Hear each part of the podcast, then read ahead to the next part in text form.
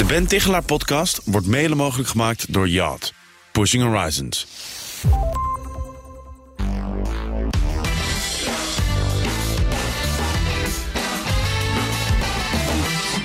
Inspiratie vind je overal. Ik vraag daarom alle gasten van mijn podcast om een tip. Welk boek, welke film, welke tentoonstelling of welk interview inspireerde hen? Vandaag stel ik die vraag aan Sanne Veenstra. Zij is universitair docent organisatiepsychologie aan de Vrije Universiteit te Amsterdam. Sanne, wat is jouw mediatip voor de luisteraars? Mijn mediatip is het boek van Lisbeth Staats. En dat heet eh, Waarom vrouwen minder werken dan mannen. Ik heb dat boek uh, thuis liggen. Wij hebben vier dochters, dus ik dacht dat is een interessant boek om mij en, en ook voor mijn vrouw natuurlijk interessant om eens te bekijken. Maar waar, waarom vind jij het een aanrader?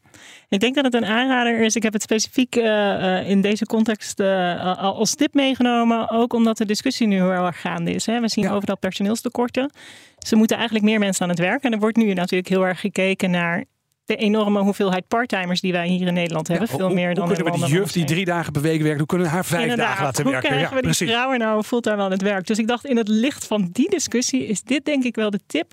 Omdat ik denk dat zij een heel goed beeld schetst van wat er, nou, wat er nou aan de hand is, waarom vrouwen inderdaad dus minder werken en zo in Nederland zo geneigd zijn om parttime te gaan werken. En ik denk dat ze dat doet door een goede combinatie van, van persoonlijke uh, belichtingen, maar ook een hele goede weergave van het wetenschappelijke onderzoek dat daarna gedaan is. Wetenschappelijk onderzoek. Uh, jij doet zelf ook research op dit gebied, onder meer naar vrouwelijk leiderschap, heb ik me laten vertellen.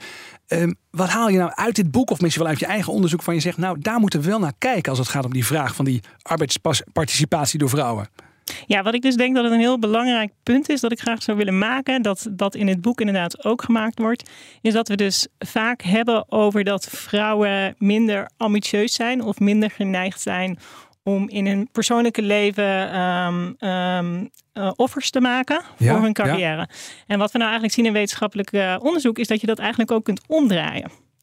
Dus het is niet alleen zo dat vrouwen minder offers maken en daardoor minder ambitieus zijn. Vrouwen zijn ook minder ambitieus omdat ze weten dat ze meer offers moeten maken. Dus het is ook omdat vrouwen het gevoel hebben dat zij minder kans hebben op de arbeidsmarkt, wat ze objectief gezien ook hebben. Dus Ja. dat het voor hun bijvoorbeeld moeilijker is om hogere topposities te bekleden. Daarom, als gevolg daarvan, hebben ze ook minder ambities en zijn ze eerder geneigd om parttime te gaan werken. Dus ik denk dat die die andere denkwijze daarop. Ja. Hè, in plaats van oh, vrouwen zijn deeltijdprinsesjes en ze willen gewoon heel vaak ook eh, niet heel hard werken.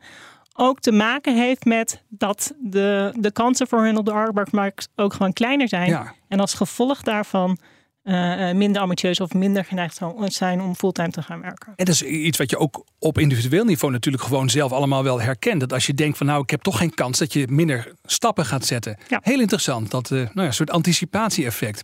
Ehm, wil je meer horen over het onderzoek van Sanne Veenstra en over het imposter syndroom, waar ze heel veel van weet? Beluister dan het hele interview dat ik met haar heb gedaan. Je vindt het op bnr.nl slash Tichelaar en op je favoriete podcastplatform onder Ben Tichelaar Podcast.